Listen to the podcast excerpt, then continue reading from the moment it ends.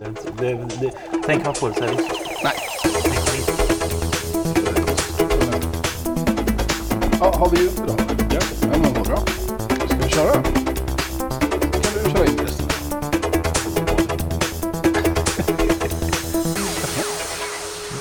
Okej, välkomna till Beslutsbotanikerna. Sitter jag här, eh, Gustav Tinghög med Daniel Westfjell, allvetande beslutsprofessor. Stämmer. Hej. Hej, kul. Vad är du då, om jag är en allvetande beslutsprofessor? En icke-vetande beslutsbiträdande professor. Ja. Okej, vad gör vi här då idag? Eh, vi ska prata eh, om homoignorans. Jaha. Varför vi eh, medvetet undviker information. När vi gör det, hur vi gör det och varför vi gör det. Okej. Homo ignorans, alltså den ignoranta människan. Ja, Okej. Och, och vi pratar om det för att vi, vi skriver en bok, du och jag, ja, om hur människan fattar beslut. ja, Och nu är vi på det här kapitlet. ja. Okej. Och hur har det gått med vårt bokskrivande? Har du skrivit någonting sedan förra podden? Nej, ja, alltså. Jag har skrivit jättemycket, fast inte så mycket på boken. Tanken är att vi ska använda den här podcasten för att tvinga oss att skriva den här boken. Nu har det faktiskt gått en hel vecka sedan vi spelade in förra podcastavsnittet. Och då kan man ju tycka att vi borde ha hunnit skriva åtminstone ett halvt kapitel var. Det skulle ta två dagar enligt dig att skriva boken. Jag har skrivit mycket på andra saker Ja, skrivit som är relaterade till boken. Ja. Men vi, vi har, du har inte skrivit på boken heller? Nej. Nej. Men du har lyssnat på första eh, eh, avsnitten av Jag lyssnar på avsnittet så att nu vet jag hur, hur jag ska skriva det här övergripande kapitlet i boken. Det är bra. Ja, jag vägrar, vägrar ju konsekvent att lyssna på det. Det är li- lite ignorans. eh, Jag vill leva i någon slags illusion om att jag inte är helt eh, uppe i det blå. Så jag tänker inte lyssna på det. Och det är lite ignorans beteende. Det är ganska Det hade ju mycket. blivit, bättre och podd säkert om jag hade lyssnat på hur, hur jag, vad jag har för tics och tricks för mig. Tricks och tricks. Ja, det tror jag. Så, så du gör det här för att vidmakthålla en bild av att du på något sätt ändå är en vettig forskare? Och inte säger Nej, det har helt. jag gett upp för länge sedan. Men, men du undviker att lyssna på våra inspelade avsnitt för att du inte vill höra din röst eller för att du tänker att du säger dumma saker. Ja, man gör det ju för att man vill vidmakthålla någon slags känsla av Ja, det, det kan, det, man, man kan, sa kanske någon klokhet liksom. och sen det blir det ju väldigt jobbigt om det visar sig att det var bara blaha blaha. Va? Eh, så det, jag försöker rationalisera bort, eh, men är rädd att sticka hål på sin myten om sig själv. Om det nu finns en sådan. Det låter ju som ett, ett ganska bra beteende tycker jag. Jag lyssnade i och för sig på vårt avsnitt och jag tyckte ju att eh, du, du framstod precis som du är i verkligheten. Så att du är ganska välkalibrerad tror jag. Nu vet jag inte hur du ser på dig själv i och för sig. Och hur du tänker kring dig själv. Och det är det det kanske är handlar så, det, det kanske är så att du har en bättre självbild då, av dig själv. Så att det är därför du tycker det är kul att lyssna på dig själv. Ja, det kan vara att jag är rent narcissistisk också. Det kan ju vara att man älskar sig själv och tror att man är bäst. Sen behöver inte det vara sant. Det handlar ju om den objektiva, den subjektiva sanningen är väl inte alltid samma, dessvärre. Men, Du, du men- kanske underskattar dig själv och jag kanske överskattar mig själv. Ja. Vi är ganska Men medel antagligen. Ja. Eller är vi bättre än medel? Alltså när vi... Är vi bättre än, än, än Svensson på att göra en eh, beslutspodd? Det tror jag. Är du lite överkonfident? Nej, det är jag faktiskt helt välkalibrerad.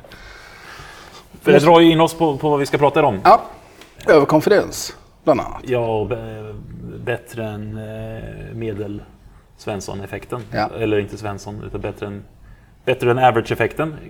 Är väl ett typ, typiskt exempel på, på eh, någonting som homoignorans är lite benägen att vara. Just det. Alltså, bättre än medeleffekten är egentligen att vi på vilket attribut som den är som är positivt. Att vara bra på att spela in poddar eller att köra bil eller att eh, prestera i sportsammanhang. Eller vad det nu än må vara. Så tror vi att vi är lite bättre än medel. de flesta tycker att de är bättre än medel, vilket ju är en statistisk eh, omöjlighet. Ja, som man ber eh, i ett klassrum eller i, ett, i en lokal eh, folk eh, som tycker att de är bättre än, än hälften på att eh, laga mat. Så eh, ja, det är dåligt, det hade jag inte räckt upp på. Men, men då, då läcker 80-90% upp händerna. Och Ja. det är ju helt orimligt. Att, att, eh, det är statistiskt omöjligt att, att så många är bättre än average, för då hade det average varit högre. Just det. Men varför är det så? Att vi tror att vi är bättre än medel? Det är inte det ganska bra på något sätt att försöka tänka att vi är, har en positiv bild av oss själva? Det kan ju vara ganska bra. Plus att det handlar också om processer, att vi har en väldig insikt i våra egna, vårt eget liv, men vi har ingen insikt i andras liv, eller väldigt lite insikt i andras liv. Så därför tänker vi att oj, vi har sån rik, vi tänker på så mycket, vi gör så mycket, vi har så mycket tankar kring att laga mat. Medan den här personen som sitter bredvid mig, han kan en rätt, sin paradrätt liksom. Kan det inte vara en förklaring? Jag tänker så här att det är två. eh, Va? Dels vi vill boosta vår, vårt, eh, vårt välmående, vårt eh, självförtroende genom att, eh, genom att tro att vi är bra så blir vi också bättre. Så är det ju. Eh, Det är ett sätt att, om jag tror att jag är bättre än, än, än de flesta så kommer jag ju faktiskt också behöva bevisa det. Eh, Men den andra delen är också, tänker jag, att om man ska bedöma huruvida man är en, en bättre bilförare än övriga så, så, så fokuserar ju vi... Du känner ju att om du ska bedöma att du är en bättre bilförare så fokuserar du på att du är jädrigt bra på att köra snabbt. Va? Då tycker du att det är ett viktigt attribut för, för att eh, eh bedöma bilförande. Medan någon annan person tycker det är viktigt att vara- köra säkert. Det tycker du är helt meningslöst. Och du är bättre på det attributet som du tycker är viktigt. Och jag är viktig på det attributet jag tycker är viktigt. Så att det handlar om vad man läser in i det här begreppet att vara bra på något sätt. Och att vi har olika saker vi fokuserar på. Ja, Och därför kan vi alla vara bäst. Därför Ja. att det är inte klart definierat vad det är vi menar egentligen med bäst. Exakt. Och att vara bäst för mig, det betyder en sak. Att vara bäst för dig betyder en annan sak. Och vi är alla lite bäst Just det. på det vi själv tycker är viktigt. Det stämmer ju, för det, det finns ju forskning som visar att har man en väldigt precist eh, kriterier som man försöker Eh, fatta beslut kring eller avgöra eh, huruvida man är bäst eller inte, eller mer eller mindre, så försvinner den här effekten. Till exempel frågar man den här klassen eh, hur lång man är, så kommer inte 90% säga att de är längre än medellängden. För det är man ju medveten om. Och det är väldigt precis attribut. Man kan inte läsa in så många olika saker i det. Eller hur? Mm. Vi har någon slags egocentrisk världsbild. Och det är utifrån den vi bedömer huruvida vi, vi är bra eller dåliga på saker och ting. Och då är det inte så konstigt om vi är egocentriska, det vill säga att vi bara fokuserar på saker och ting som vi själv håller på med. Alltså jag gör ju en himla god bolognese exempelvis. Och det, även om det är det enda jag kan göra så gör det att jag tycker att jag är en bra matlagare. Och, och det gör dig också lycklig på något sätt. Att det, det är ett av skälen varför det är viktigt att du tror att du är bäst på att laga mat. Men inte, kan det inte också vara så att man kan hamna riktigt fel om man är överkonfident? Om man tror att man är väldigt, väldigt bra på någonting och sen så visar det sig att man inte är så bra. Om det nu är så att du kan få feedback exempelvis på från Masterchef när du står där med Gordon Ramsay som kommer så här sätta två hamburgare eh, bröd på sidan och säga I'm a shit sandwich på dig för att så dålig är du liksom. Vad gör du med den informationen då, om du tror att du är bäst? Hur, hur, vad, vad tar den informationen vägen? Eh, Då eh, tänker jag att man, man har eh, mekanism, eller försvarsmekanismer som förklarar varför Gordon Ramsay inte har eh, förstått det eh, den maten. Det är väl så, vi får ju artiklar och sånt rediktade eh, då och då. Ja men det är för att folk är dumma i huvudet och inte förstår hur bra forskning är. Precis. Eh, De har ju liksom inte, för- de har inte fattat eh, vad det är för mästerverk de har framför sig. Nej. Eh, Och ofta kan det vara väldigt många inkompetenta människor man stöter på innan någon förstår briljansen med det man gör. mm. Det krävs ju en, eh, en briljant hjärna för att se en briljant hjärna. Precis, att känna igen. Dessvärre är det så att det krävs ju en, en galning och en idiot för att känna igen en idiot kanske. Eller det kanske inte är så riktigt. Det är lätt att känna igen det som är subpar, inte tillräckligt bra. Det är svårt att känna igen briljans. Det, Ja, okej, men, men så då Så vi tar inte till oss den här informationen och uppdaterar hur vi ser på oss själva. Utan vi försöker ta avstånd från den informationen. Ja, eller vissa personer tar ju till sig eh, dålig information mycket mer än, än, än andra personer. Va? Det, men det är ju någonting som ofta leder till att man blir deprimerad. Och... Ja, ja men det stämmer ju. Eller hur? Att, att vi måste kanske ha lite hård hud ibland för att inte riktigt alltid bara rasa samman och bryta ihop och komma igen. Utan det är inte så adaptivt att göra det. Utan vi måste ju faktiskt vara, tycka att vi är ganska en person på ett konsekvent sätt. Liksom. Och är min självbild att jag är en sån här person, då kan jag inte hela tiden revidera den. För att det är, det är jobbigt, det är kostsamt, tar massa energi och jag kommer inte må bra av det. Nej. Så är det ju. Sen är vi olika på det i den mått att vi överviktar ju kanske, eller vi tar till oss, vi har enklare att ta till oss dålig, eh, dålig kritik. Vissa av oss, och andra har eh, lättare att ta till sig bra kritik. Så att det kommer information hela tiden om hur, hur bra vi är på något sätt. Mm. Ibland är den positiv, väldigt sällan i min erfarenhet. Eh, ofta är den negativ. Och vi kan ta till oss den och agera utifrån den på något sätt. Men är det inte ofta så i alla fall att vi tar mer till oss information som är positiv, som på något sätt stämmer överens med vår bild av oss själva. Som någon säger så här att det här, Gustav Tinghög, det här var den bästa vetenskapliga artikeln som någon har skickat in till vår tidskrift. Mm. Det kommer du lättare ta till än någon säger att ursäkta, varför skickar du det här? Det här är det värsta som någonsin har skickats hit. Skicka aldrig någonting till den här tidskriften igen. Vilket är en review som jag har fått. När man blir sågad med fotknölar. Då får man inte lägga sig ner och dö va? Utan då får man tänka att ah, jobbigt. Men skaka av sig och gå vidare. Medan får man den här positiva informationen. Då är det bara ja, nu är jag bäst. Nu är det ja. bara att casha in liksom. Ja, för att man ska leva ett lyckligt liv. Så, så, men det är ju inte så vi oftast gör, utan vi, vi tenderar ju att ta till oss den negativa informationen mycket enklare än den positiva informationen. Mm. Jag bara jag eh, tänker, det har varit sådana här eh, studentuppsatser här i veckan. Mm. Eh, och då skriver man lite betyg och sånt. va? Och även om man sätter kanske ett VG så, så vill man ju ändå ge någon slags eh, feedback och, och, hur saker och ting ska förbättras. Och väldigt många eh, ser ut som, som de ska börja gråta när de får, eh, även fast de får det högsta betyget så, så fokuserar de ju enbart på att ja, på de, de, de, vad vi kan kalla negativa kommentarerna. Så det är väldigt många som har det fokuset också. Va? Och det gör ju att man inte, man kan ju inte glädjas åt framgångar. Mm. Och man har också svårt att, att eh, faktiskt på ett balanserat sätt ta till sig feedback. Men är inte det en förväntanseffekt? Att, att nu är inte det här en kritik mot de här studenterna utan generellt sett att man kanske förväntar sig hela tiden att man ska bli godkänd, det ska vara så bra och man ska få feedback om vad det är man har gjort som är så himla bra. Mm.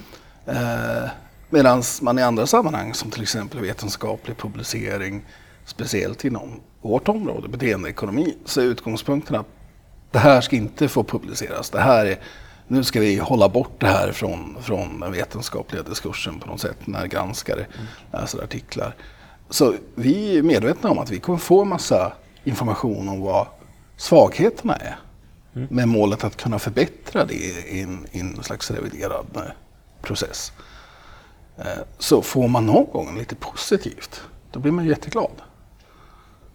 Så tänker jag, att det finns väldigt olika ingångs startpunkter. Mm. Men jag håller dock inte med dig alls Gustav om att man tar till sig negativ information mer. Det kanske påverkar en mer. Men, men jag tror inte man tar till sig det mera. Vad menar här... du med ta till sig mer då? Eller på, på, vad är skillnaden mellan att ta till sig och påverkas? Ja, men så att du uppdaterar den här självbilden du har. Hur du tror att du själv funkar. Det finns ganska mycket forskning som pratar om det här med bekräftelsebias eller confirmation bias. Att vi, vi söker information som bekräftar vår självbild och hur vi ser på oss själva eller hur vi tänker i, kring en fråga. Mm. Och all information som inte bekräftar det vi tänker eller hur vi ser på oss själva, den tänker vi inte på alls utan den försöker vi hålla undan. Ja. Som till, alltså, klassiskt exempel är att rökare tar inte till sig de här hemska bilderna på cigarettpaket och informationen som är därför att det hotar deras beteende. Det är väldigt jobbigt. Därför kan man köpa sådana här. Därför finns det en industri där man kan köpa omslag till cigarettpaket som döljer det här. Mm. Det är en enkel fix liksom, för att inte behöva ta till sig den informationen.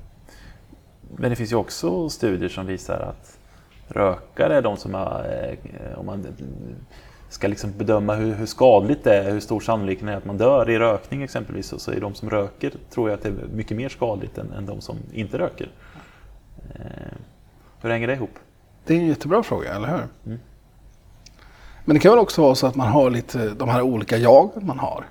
Att du har ett nu-jag som måste konsumera. Fast det finns något överjag som vet om att det här är inte bra, det här är skadligt. Men samtidigt så, så vill man inte bli påmind om att det är skadligt. Men när man väl får den här frågan i en studie så vill man inte framstå som dum i huvudet. Jag vet om att det här är inte bra. Man vet informationen men man vill inte, man, man stöter ifrån sig den rent emotionellt. Ja. Att, det, att det, det känns inte bra alls med den här informationen. Och är det inte på den nivån handlar väldigt mycket om att, att det blir hot mot självbilden. Så även om man vet att det finns en objektiv sanning som det rationella jaget, det analytiska jaget kan, kan hålla med om så, så säger det känslomässiga jaget att nej, nej, nej, så här är det inte. Det här gillar jag inte alls. Mm. Så är det för mig. Ja, men, det här ligger lite till grunden för, för en massa saker som, som vi gör i vardagen. Där det finns information men vi väljer inte att ta till oss den informationen. Ett bra exempel som uh, hela tiden dyker upp det är ju hälsorisker som är associerade med olika typer av beteenden, överkonsumtion och sådär. Jag forskar kring det. Mm. Men jag äter för mycket och motionerar för lite och dricker för många öl och gör en massa saker. Och jag tycker det är jättejobbigt. Och det blev väldigt tydligt för mig när jag såg på det finns en dokumentärserie som, av en dokumentärfilmare som heter Louis Theroux. Är det han med glasögon? Ja, det är han med glasögon, precis. Väldigt, väldigt bra grej. Eh, han har gjort ett, en, en grej som låg uppe på SVT nu med alkoholismens offer. Så här, jag tänkte så här, det här, det här är jättebra att börja titta på. Och så började jag titta på det och så insåg jag att nej men aj, aj, det här är inte alls bra. För att nu får jag alldeles för mycket information om de negativa konsekvenserna av mina öl på fredagskvällen. Och så stängde jag av den. Och nu dyker den upp hela tiden så fort så här. Så vill du fortsätta titta på det här? Får jag trycka bort den? Nej, jag vill inte titta på den här. Jag vill absolut inte se på den här dokumentärfilmen. För på något sätt så jag har blivit, jag vet ju redan massor. Men får jag ytterligare information, då ligger ju ansvaret ännu mer på mig på något sätt. För mitt otroligt dåliga beteende. Men tycker du att du har så dåligt beteende? Eller? Nej, jag tycker inte att jag har ett sånt dåligt beteende. Men det skulle kunna vara lite bättre än vad det är. Du då Gustav? Nej, ja men det, det, bara att jag inte lyssnar på den här podden är ju en, en, en typ av eh, informationsundvikande. Jag, jag har, kanske vi inte ska prata om idag, men, men jag öppnar ju aldrig brevlådan mer än en gång i, en gång i månaden. För jag vill inte veta vad det är för, för och det, mailboxen, när jag har andra saker, viktigare saker, så undviker man ju mailboxen för det ligger ju bara massa jobbiga saker som, kommer, som jag måste ta itu med. Men det är skönt att inte veta vad som ligger i den där mailboxen. Va? För då känns det som att det inte är mitt fel. Men det är det ju lik förbannat va? När, det, när det går åt skogen. Så, så jag undviker ju varje dag information som, som skulle eh, varit mig till gagn och gjort mig till en mycket mer produktiv och eh, mer informerad och bättre människa. Gör du det även jobbmässigt? För det gör jag. jag, jag så här, om man får, när man skickar in en artikel till publicering så får man ju kommentarer tillbaka från, från andra forskare eh, som säger vad som är styrkor och svagheter. Och så finns det också en redaktör som, som fattar ett beslut så här, att det här är accepterat eller det här är ofta då någonting som du behöver revidera eller det här är något som vi inte vill ha. Och i ett sånt här beslutsbrev som man får på e-mailen så ser man ju ofta vad beslutet är. Och sen så finns det fem, sex sidor med kommentarer. Ja. Och för mig är det i alla fall så att se att det är ett negativt beslut som kommer. Det här är rejectat, det här vill vi inte ha. Då läser inte jag reviewsen förrän efter ett tag. Jag klarar inte av det. Det blir för mycket. Jag har redan fått så mycket dålig information. Det här gick inte vägen. Så jag måste låta det ligga ett par dagar. Mm. Nej, men så är jag med. Eh, kanske, kanske inte lika eh, det räcker med, med, med tio minuter, sen är jag nog inne och, och pillar på det. Men jag måste ju... Jag kollar inte på det direkt. Gör jag inte. Och då kan man ju hävda att det bästa naturligtvis hade varit för oss båda två att titta på det direkt och försöka fundera på okej, okay, hur kan vi nu revidera sättet som vi arbetar på? Eftersom det inte är tillräckligt bra uppenbarligen. Men det gör inte jag. Och finns det någonting annat då? Så där homoignans, det är dels det här med bekräftelsebias, att vi söker information som stämmer överens med vår världsbild. Vi undviker information som inte stämmer överens med vår världsbild. Vi har, vi har det här med överkonferens, att vi tror att vi är bättre än alla andra. Har vi något mer? Ska vi prata lite eh, motivated reasoning eller? Ehm, ja. Vad säger man på svenska? Vad... Motiverad resonemang? Motiverat tänkande. Motiverat, motiverat tänkande. Okej, vi kallar det motiverat tänkande. Det är bra. Det är ju när man uppdaterar, vanligtvis så uppdaterar man ju sitt, sina, sina tänkande och sitt tyckande, sina beliefs, vad man tror utifrån ny information. Eh, men när man har motiverat tänkande, så lite grann som vi pratade om tidigare, så tar man bara till sig saker och ting som, som konfirmerar eller bekräftar det man, det man eh, tyckte sedan tidigare. Och det man, eh, information som, som hotar den världsbilden, den, den skjuter man åt sidan lite grann och tar inte till sig. Det här kallas ibland för motiverad kognition också. Det beror lite på hur man tänker kring det, om det är en väldigt aktiv process det här med, som vi beskrev nu, att vi får någonting i inboxen, vi är väldigt medvetna om att, vad som kommer stå där och vi aktivt undviker det. Men det kan också vara kanske nästan lite omedvetet. Att mm. vi ser världen på, genom en, en, en viss lins mm. som är bestämd av världsåskådning eller politisk eh, åskådning eller ja, vad det nu än må vara. Jag tänker så här att man ställer sig lite olika frågor då. Ja. Att om jag har, nu är centerpartist här säger vi då, eh, och det kommer eh, information som är lite, lite tveksam för Centerpartiet. Och då ställer jag frågan, måste jag tro på den här faktan? Mm. Men hade jag eh, varit eh, från ett annat parti, då tänker jag, kan jag tro på den här faktorn? Det är två olika typer av frågor. Den ena är ju väldigt mycket enklare. Kan jag tro på det här? Det verkar rimligt. Men om jag är centerpartist, måste jag prova? Nej, det behöver jag kanske inte. Jag tänker att de två frågorna ligger lite till grunden till varför vi har motiverat tänkande. Kanske, eller va? Ja. Jag vet inte. Jo, det tror jag. Den här måste-frågan är ju alltid lätt att svara nej på. Mm. Och kan-frågan är alltid lätt att svara ja på. Och det leder då till att man kan se samma sak väldigt, väldigt olika. Mm. Det här ligger väl inte till grunden för det här med fake news och alla de här sakerna som är väldigt aktuella i debatterna nu. Och jag tänkte på det här med motiverad kognition. Det fanns ju någon studie som var ute precis efter att Trump hade haft sitt sån här eh, inledande tal där folk samlas på, i Washington DC. Då hade man gjort en studie där man har de här bilderna över folkmassorna som var vid Obamas tal och vid Trumps tal. Ställer man de här sida vid sida så det är uppenbart att det var mycket, mycket mer människor vid Obamas tal. Medan Trump hävdar att det aldrig varit så här mycket folk på något tal. Och det, det är ju en sak att Trump tycker det. Men frågar man då folk som hade röstat på Trump. Vilken av de här två bilderna är det flest personer på? Trots att det är uppenbart att det är fler på Obamas så säger man ändå att nej, den här, Trump, där är det fler personer. Så att det kan påverka en sån grundläggande perceptuell process. Alla borde se att det är en tydlig skillnad på typ 100 000 pers. Men ändå så håller man fast vid sin, vid sin tro att nej, det är allt fler människor. Eh, halvrelaterat exempel här. Eh, jag tänkte på det här med, med klimathotet och eh, all, all fakta som blir, blir, blir, blir sköljs över oss kring problemen med klimatet. Och eh, påven gick väl ut och sa nu måste vi eh, skärpa oss lite grann om, eh, om, om, om klimatet. Och, eh, och, det gjorde väl att det var inte så att folk istället för att få liksom, eh, revidera sin, sin, eh, sin tanke kring, kring, klimathotet så var det väl så att, att påvens omtyckande bland den amerikanska populationen sjönk väl ner till rekordlåga nivåer. Va? Det stämmer.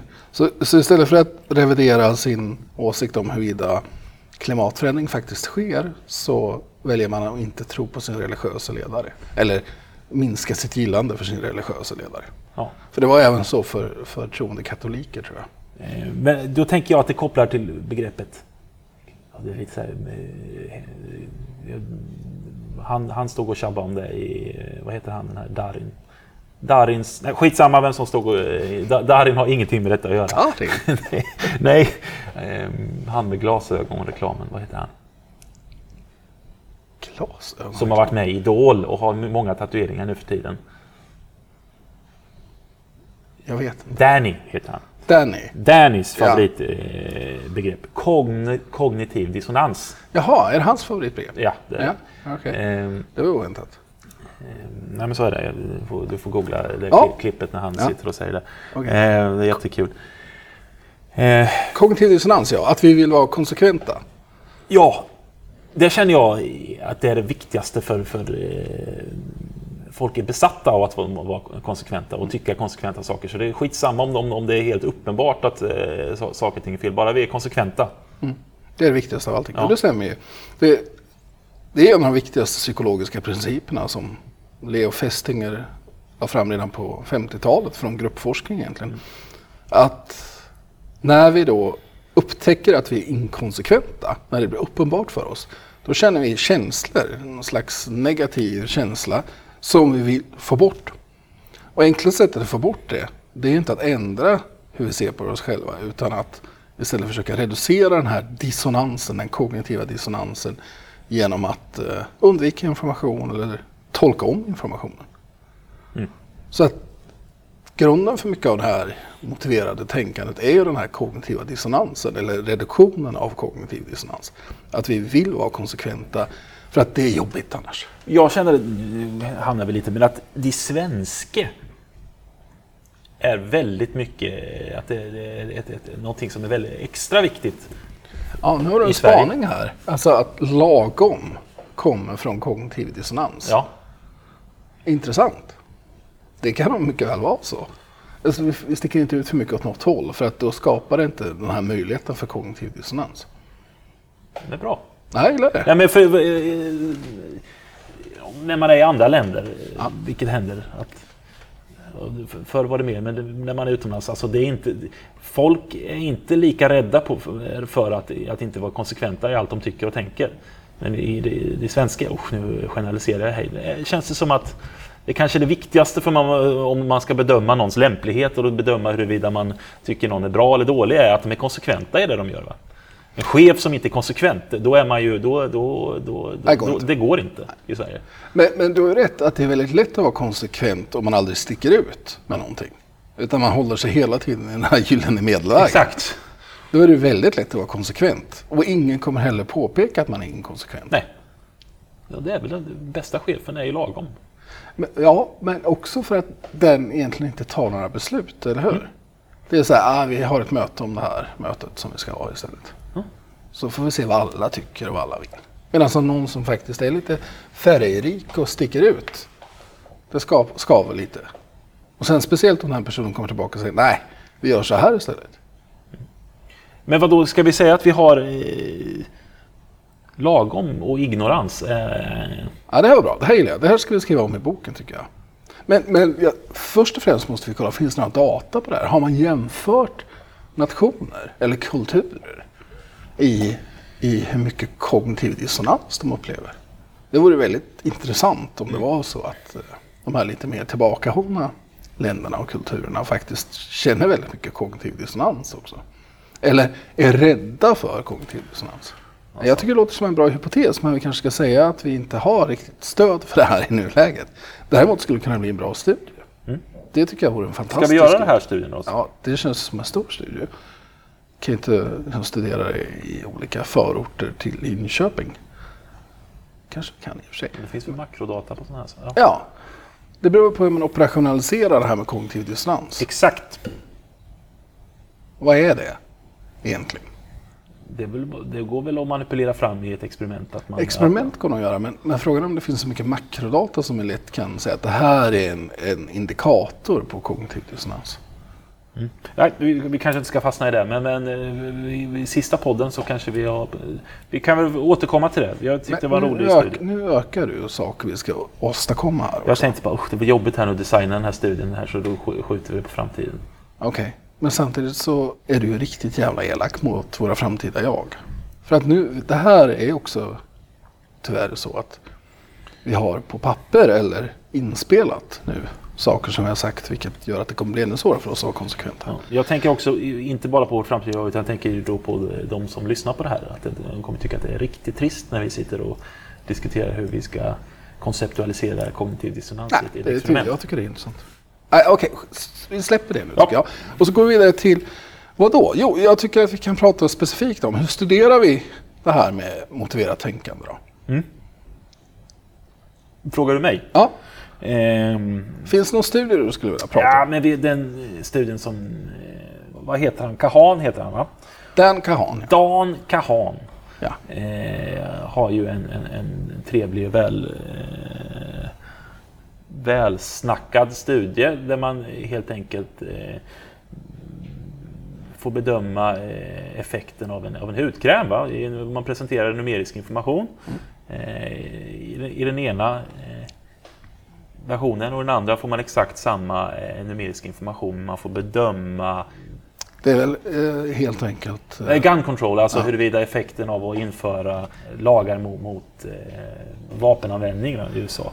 Och då, det, och då får man två versioner. I den ena så, så ser man att eh, lagarna leder till att det blir mer eh, dödsfall eller vad det nu kan Ja. vara. I den andra versionen ser man att det blir mindre. Det är ex exakt samma siffror, man har bara vänt på dem. ja. Eh, och så, så visar man exakt samma siffror för hudkrämen. I vissa fall får man mer hudutslag, i den andra får man eh, mindre hudutslag. ja. Man, man läser om hudkräm, man läser om, om effekterna av eh, begränsningar i vapenanvändning. Så då har vi alltså fyra stycken olika scenarier Ja. som folk eh, får besvara. Och det de ska göra är att lösa en matteuppgift helt enkelt. Ja. Så att man, får, man måste räkna ut En fyrfältare med, med, med ja, det är ju, man får ju titta på eh, kvoten mellan olika, och, och se, eh, mellan olika behandlingar Ja. och, och se vilken som är... Så det krävs någon slags minimal matteoperation här. Ja. Att du måste omvandla, ta kvoten så du får frekvenser eller procent. ja. Men fakta är vad fakta är. Fakta är vad fakta är. Och vad finner man då i en sån här studie? Det här är ju som de flesta studierna på det här området gjort i USA och då brukar man göra jämförelser mellan eh, konservativa och liberala. Så konservativa, Eh. i- det här fallet, de är mot gun control. Ja, de vill att det ska vara eh, Fritt. fritt fram. Alla ska ha massor av vapen. Ja. Liberala är lite mindre emot. Ja, så skulle man kunna uttrycka det. Gun Även om det control. inte det vi är i Oregon ibland, där är de ju väldigt... Där är de ju De, de är ju, uppdelade kan man säga. Ja, Det finns hippies som bara vill älska och ge blommor. Och sen finns det de de som vill har även ha sina- väldigt mycket vapen. men de vill, väl ha, ja, de vill älska men de vill göra det med sina vapen också. Ja. Eh, Så då finns det en slags politisk åsiktsskillnad här. ja. Och liberaler tolkar ju då information som, som säger eh, att det blir mer dödsfall, mindre dödsfall med eh, gun control korrekt. Eh, men de tolkar informationen när den går åt andra hållet fel. Så om det, om det visar sig att, att eh, informationen tyder på, på att eh, det blir mer dödsfall med en gun control så är de inte så bra på det. Och, samma, och vice versa med de konservativa. Och, och man får ingen skillnad för hudkrämen. Nej. Där spelar politisk åsikt ingen roll. Nej. Men det är jätteintressant. Så trots att det är samma uppgift. Så när det är en ohotande kontext, det vill säga hudkrämen, då kan alla lösa det här problemet lika bra. Man förstår vilken hudkräm det är som ger utslag och inte ger utslag. Men så fort det blir en politiskt laddad fråga, som det här med gun control, då så kan vi inte lösa matteproblemen längre. Utan då bestäms det istället av huruvida de här resultaten stödjer eller går emot min världsbild. Hur jag vill att det ska vara. Precis. Och det finns ju ganska tydliga exempel. Det är inte bara gun control utan, eller vapenlagar utan det finns ju på klimathotet och det finns på Ehm, alltså så här, effekten av eh, energipolicies på, på, på miljön och så vidare. Och det finns ju även eh, på effekter av invandring på, på kriminalitet exempelvis. Att vi, ehm, Men det som är spännande med den här Kahan-studien också, vilket kopplar tillbaka till, för det är lätt att tänka sig att, att man tolkar det som att det här är ett, ett eh, ointelligent beteende, ett beteende som baseras på att man inte tänker. Men det finns en liten twist i Kahans studie. Där Ja. han har mätt någonting som han kallar för numeracy, som är matematisk förmåga egentligen. Ja. Men den är egentligen en, en slags indikation på hur, hur mycket analytisk förmåga man har, Ja. skulle man kunna säga. Och det han finner då, det är att de som är allra bäst, som har allra bäst analytisk förmåga eller högst numerisk förmåga, det är de, de gör allra mest fel. Ja, inte i, i, på hudkrämen. Inte på hudkrämen. Men, men, men på, eh, på eh, vapenlagarna. Va? Ja. Det är alltså de personer som är mest analytiskt skickliga eller högst eh, numerisk kompetens är de som också är bäst, eller sämst ska vi snarare säga, men, men mest benägna att, att ja, ha motivated reasoning. Eller, Ja, tolkar i linje med deras världsbild. Precis. Varför är det så, tänker du? Jag tycker att det här är intressant därför att vad det skulle kunna visa på är ju att eh, den underliggande processen för det här är någon slags resonemang faktiskt. Du har en förmåga här att hitta information som stödjer din världsbild. Dock så tycker jag att det är lite märkligt, för det borde ju vara så tycker jag att det här blir nästan som en vax, ett vaccin mot att tolka information felaktigt. Det borde ju vara så. Det är väldigt motintuitivt. Det borde ju vara så att de som har bäst numerisk förmåga, de borde också kunna lösa de här väldigt enkla matteuppgifterna. Ja. Så varför är det inte så? Det är väldigt märkligt tycker jag. Jag tycker ju också att det där är väldigt märkligt. Men, men, men, men teorin varför det skulle vara så här är väl att eh, det är jobbigt, om vi pratar ekonomiska termer, ny, nytta. Det är nytto, minime- minska vår nytta när vi måste ha, ta in information och ändra vår världsbild. Det vill säga, eh, och därför så är det, är det, är det nyttomaximerande att, att tolka information på ett sätt som ligger i linje med våra prior beliefs, alltså våra, eh, Förutfattade ja, meningar. våra förutfattade meningar. Och då är personer med analytiskt tänk bättre på att rationalisera ny information så att den ligger i linje med, med vad vi tror. Okej. Och, och det här är väldigt negativt. För att då, Det här är det inte, men det är väl så tanken går va? ja, Ja. ja. Och kallar det för det motivated numeracy eller mo- motiverad eh, numerisk förmåga eller något sånt. Men, men den logiska konsekvensen av det här blir ju att det spelar ingen roll egentligen då vem mottagaren är. Man kommer tolka det i linje med sin världsbild. Och ger vi mer information och utbildning om saker som klimatförändringar och effekter av vapenlagar och sådär så kommer det bara vara negativt. Ja. Skulle ju kunna vara konsekvensen av det här. ja, precis. Mer information eh, bidrar bara till mer eh, motiverad, eh, vad, vad är motiverat tänkande, vad kallar vi det för? Ja, motiverat Ja. tänkande. Och, och det är väldigt negativt för då finns det inget sätt vi kan komma ifrån det här utan det kommer bara förstärka, det kommer bli ännu mer polariserat. Mm. Är det där vi ser lite med så här klimatinfo? För det blir väl bara mer polariserat? Ja, det blir väldigt polariserat. Och det blir lätt också att avfärda det. Så för, det är en sak som stör mig extremt mycket. Som, som man märker att folk använder i vardagen. Att jag väljer att inte tro på det här. Vad då väljer att inte tro på det här? Det här är ett fakta. Det här är ett vetenskapligt framtaget fakta. Eller faktum. Det här är inte något man kan välja att tro eller inte tro på. Och det, har blivit, det är klart att det finns osäkerhet i all typ av forskning. Men det här kommer ju ofta upp i den här klimatfrågan. Ja. Att nej men alltså, jag väljer att inte tro på det här.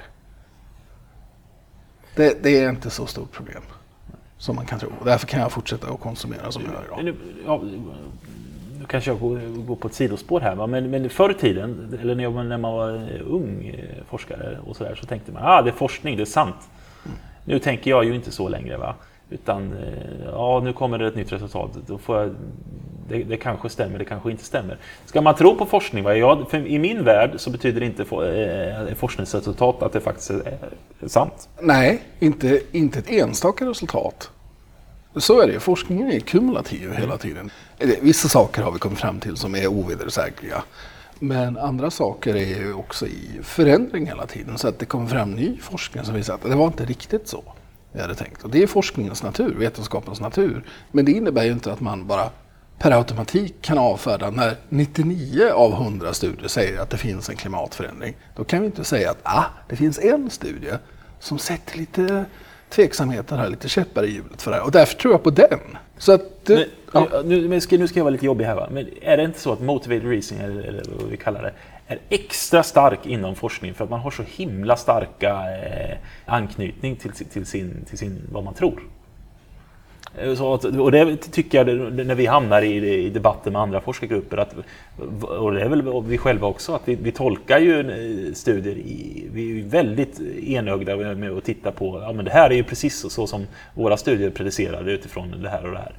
Är det en plats där det inte borde få vara så, så är det ju inom Ja, men- vetenskapen. precis, men det säger jag att jag tror att det är extra mycket så i, inom vetenskapen.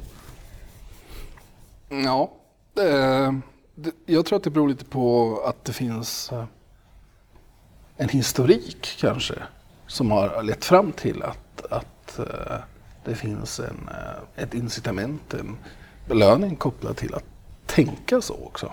Det är viktigt för oss att hitta resultat som är i linje med någon slags eh, teoribyggnad vi har byggt upp. För annars måste vi gå tillbaka och revidera det och det är jobbigt som du säger. Och saker som vi tidigare har publicerat där kan vi inte gå emot oss själva, för det känns jobbigt, även om det skulle vara det rätta att göra. Så det är klart att det finns inbyggt i, i vetenskapen också, men det ska inte få göra det. Här är ju verkligen en situation där vi borde kunna mota det här. Men, men för vanliga människor som inte är konsekventa i, i vad de tycker och tänker, det, det är ju jobbigt nog. Men en forskare som inte är konsekvent i det de publicerar och de skriver, det, då är man ju körd. Va? Ja. Är inte det lite eh, paradoxalt? Det beror väl på, alltså, man kan ju vara inkonsekvent i det man skriver om man visar på att okej, nu har det skett någonting, jag hade fel. Vi, tr- vi trodde att, att det var så här. Nu har världen ändrat sig för att vi har fått nya metoder som visat att det var fel. Men däremot går det från papper till papper och, och skriver liksom att ah, nu tänker jag att A gäller. Medan jag i förra artikeln skrev att B gäller. Och ingenting har ändrat sig däremellan. Då är man ju inkonsekvent på ett sätt som inte funkar. Så jag tror man får särskilja de två också. Att inkonsekvent, det kan man inte vara inom vetenskapen utan att det finns ett skäl att vara inkonsekvent. Och då är man ju inte inkonsekvent längre. Då är man ju konsekvent därför att, att söka sanningen är det konsekventa på något sätt. Men det, jag vill tillbaka här nu till, till den här Kahan-studien med Ja, förlåt. Vapenlagar Ja. och eh, hudkräm. Vi har ju nämligen gjort en, en eh, variant på den här studien här i Linköping tillsammans med doktorander, Therese Lind och eh, vår postdoc Arvid Erlandsson och lite andra folk. Eller hur? Där vi, tittade, vi tog det här problemet med hudkräm, körde det i en svensk kontext och sen körde vi också inte vapenkontroll, för det är inte så intressant, eller vapenlagar i Sverige, utan vi tog någonting som var en aktuell fråga, nämligen det här med immigration. Och kriminalitet. Ja. Och så istället för att fråga oss, vi hade samma matteproblem, men istället för att, att, att prata om huruvida en vapenlag kan ha en positiv eller negativ effekt, det vill säga öka eller minska dödlighet, så tog vi immigration i kommuner och såg, la upp det så, så att eh, brottsligheten, kriminaliteten kan öka eller minska. Så det här hittar vi på hypotetiska data kan man säga, eller hypotetiska scenarier kan man säga. Och så gav vi det här till folk. Och samma hudkrämsscenario som i Kahan. Och så mätte vi vilket politiskt parti man röstade på.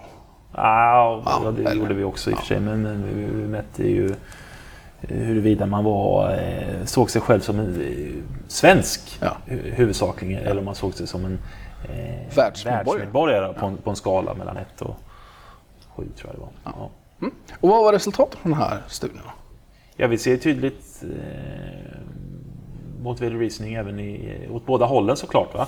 Att eh, personer som ser sig som, som världsmedborgare tolkar ju då, eh, ser mest positiva eh, konsekvenser av, av invandring och folk som ser sig som svenskar eller mer, nationalistiskt inriktade eh, eh, ser ju då mest, är bättre på att se negativa konsekvenser av, av invandring. Okej. Och ingen effekt av den här världsmedborgare, svensk, på hur man löste Nej. hudkrämsfrågan? Nej, det är de ungefär lika bra. Okej, så vi ser starkt stöd för det här med motiverat tänkande i en politisk het debattfråga just nu.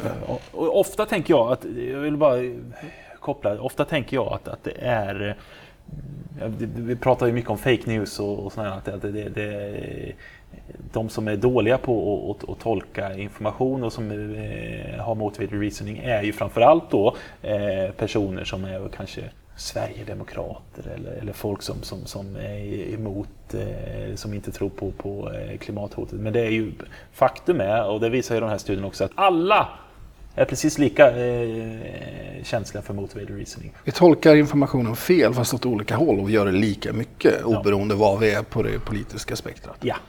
Det är ett viktigt resultat. Att det drivs inte bara av en speciell grupp. Nej, men för ibland så känns det som att vi, vissa grupper tror att de är lite immuna mot, eh, mot det. Och det är man ju inte. Nej. Eller egentligen så tror väl alla att de är immuna mot det på något vis. Ja.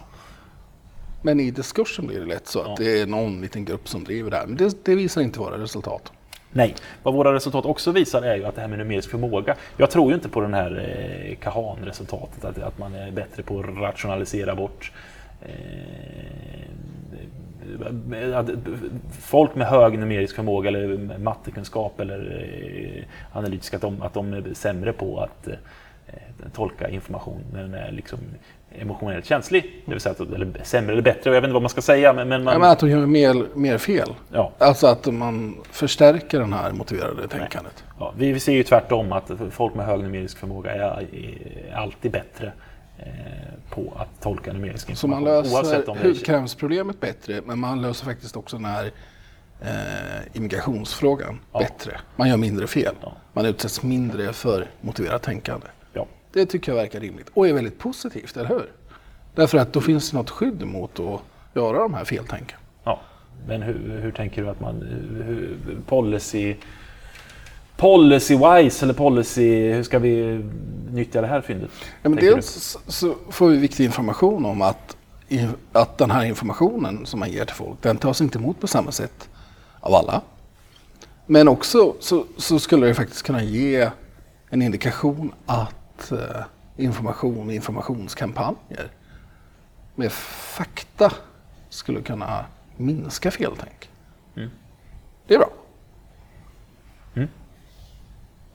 Eller vad, vad tänker Skulle du? du göra det då, eftersom det bara är individer med, med hög numerisk förmåga som, som är bättre? Skulle är det inte bättre att eh, göra folk bättre på matte? Ja, det är en annan idé. Om det är nu det vi mäter. Ja, om det är vi- det vi mäter. Jag är inte säker på. Utan det kan också handla om ren rå analytisk förmåga. Mm. När man inser att det är så uppenbart, det är ett lätt matteproblem det här också. Mm.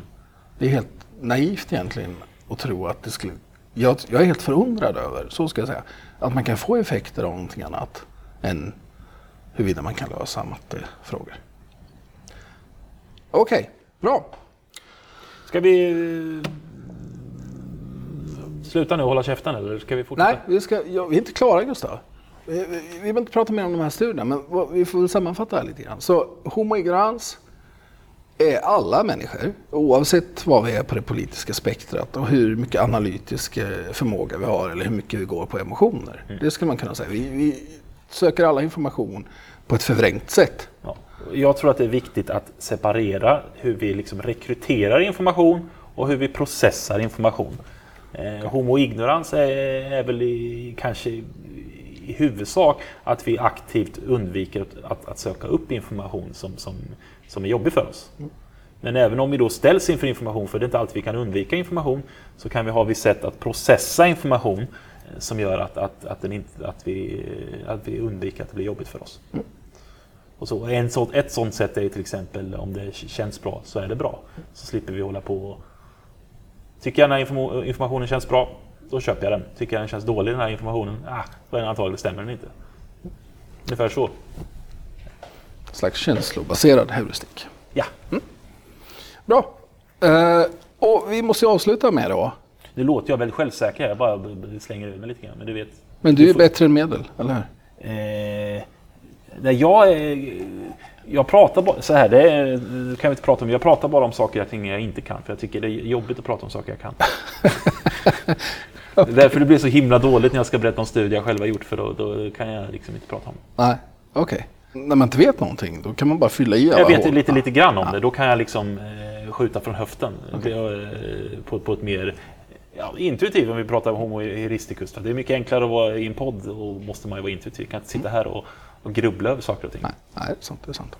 Okej, bra Gustav. Men vi måste avsluta med vår eh, landskapsblomma också.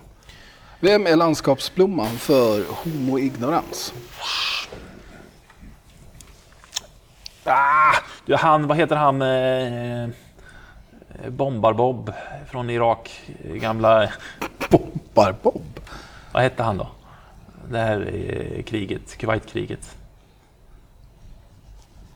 Det helt Men herregud. Vadå Bombar-Bob? Han, den här informationsministern i, i, i, hos Saddam Hussein som, som stod när de var inne och bombade, stod och, stod och smällde i bakgrunden. Ju. Så stod han, nu har vi snart besegrat hela amerikanska... Det här har jag missat helt. Det lägger vi upp klipp på. Ja. Han, Bombar-Bob, okej, bra. Men i den svenska Sverige då? Vad är, vem är Bombar-Bob i Sverige? Allt är bra, här finns ingenting att se. Bara gå vidare. Alltså Erik Hamrén var en riktig eh, kille, stack huvudet i sanden och bara fokuserade på information som, som var bra för laget. Som han tyckte att han hade gjort ett- 1, 0,3 mål mer än Lagerbäck. Helt orelevant information. Ja, vad det, det, vi, vi, vi, Erik Hamrén. Erik Hamrén. Ja, det är bra. Men Det känns så bra, för sport känns verkligen som att där är ju många homoignorans alltså. Det, det tycker jag det tycker jag är väldigt bra. Men man kan ju behöva vara lite i homoignorans som, som ledare ibland kanske också för att skydda sitt lag. Just det. Någon som jag tycker har tagit det här till eh, dess eh, perfektion, det är ju ändå Bert. Han har, ju, han har ju en egen podd som vi kanske, eller en sån här, en ganska rolig eh, Youtube-kanal som vi Ja. kanske ska bjuda in oss till. Men han är väldigt duktig på, liksom, även när man uppenbart ger honom information som journalister gör, så att okej, nu har du haft så här många personer som har bott i det här lilla utrymmet. Så här, Nej, det har jag inte. Har han det? Jajamensan. Han är Det får du också lägga upp klipp. Mm. Men det, och var ska vi lägga upp de här klippen då? Jo, det är nämligen så att nu har vi ju skaffat oss det här sociala mediet Twitter och också då sociala mediet, mediet eh, Facebook. Så på Twitter så heter vi beslutsbotanik. På Facebook finns vi under facebook.se eller .com slash beslutsbotanik. Eller ett beslutsbotanik också. Så där kan man eh, se vad vi lägger upp för saker. Och man kan också skriva till oss. Eh, vi tar gärna in eh, lyssnarbrev som vi kan läsa upp här och eh, reflektera och diskutera kring. Gustav tror jag känner sig väldigt sugen på att med säkerhet kommentera olika frågor som ni kan ha lyssnare. Jag kommer inte öppna brev som kommer in. Det, vet, det är så när jag får sådana här utvärderingar på, eh, här, på kurser. Ja, ja. De skiter jag i att läsa. ja. Och beslut angående artiklar. Ja. Det skiter vi också läsa. Ja, Vad ska du göra nu? Nu är det sommar. Ja, jag ska skriva några kapitel i vår bok tänkte jag. Vad ska du göra? Jag ska läsa några kapitel i vår bok när du har skrivit dem. Det låter jättebra.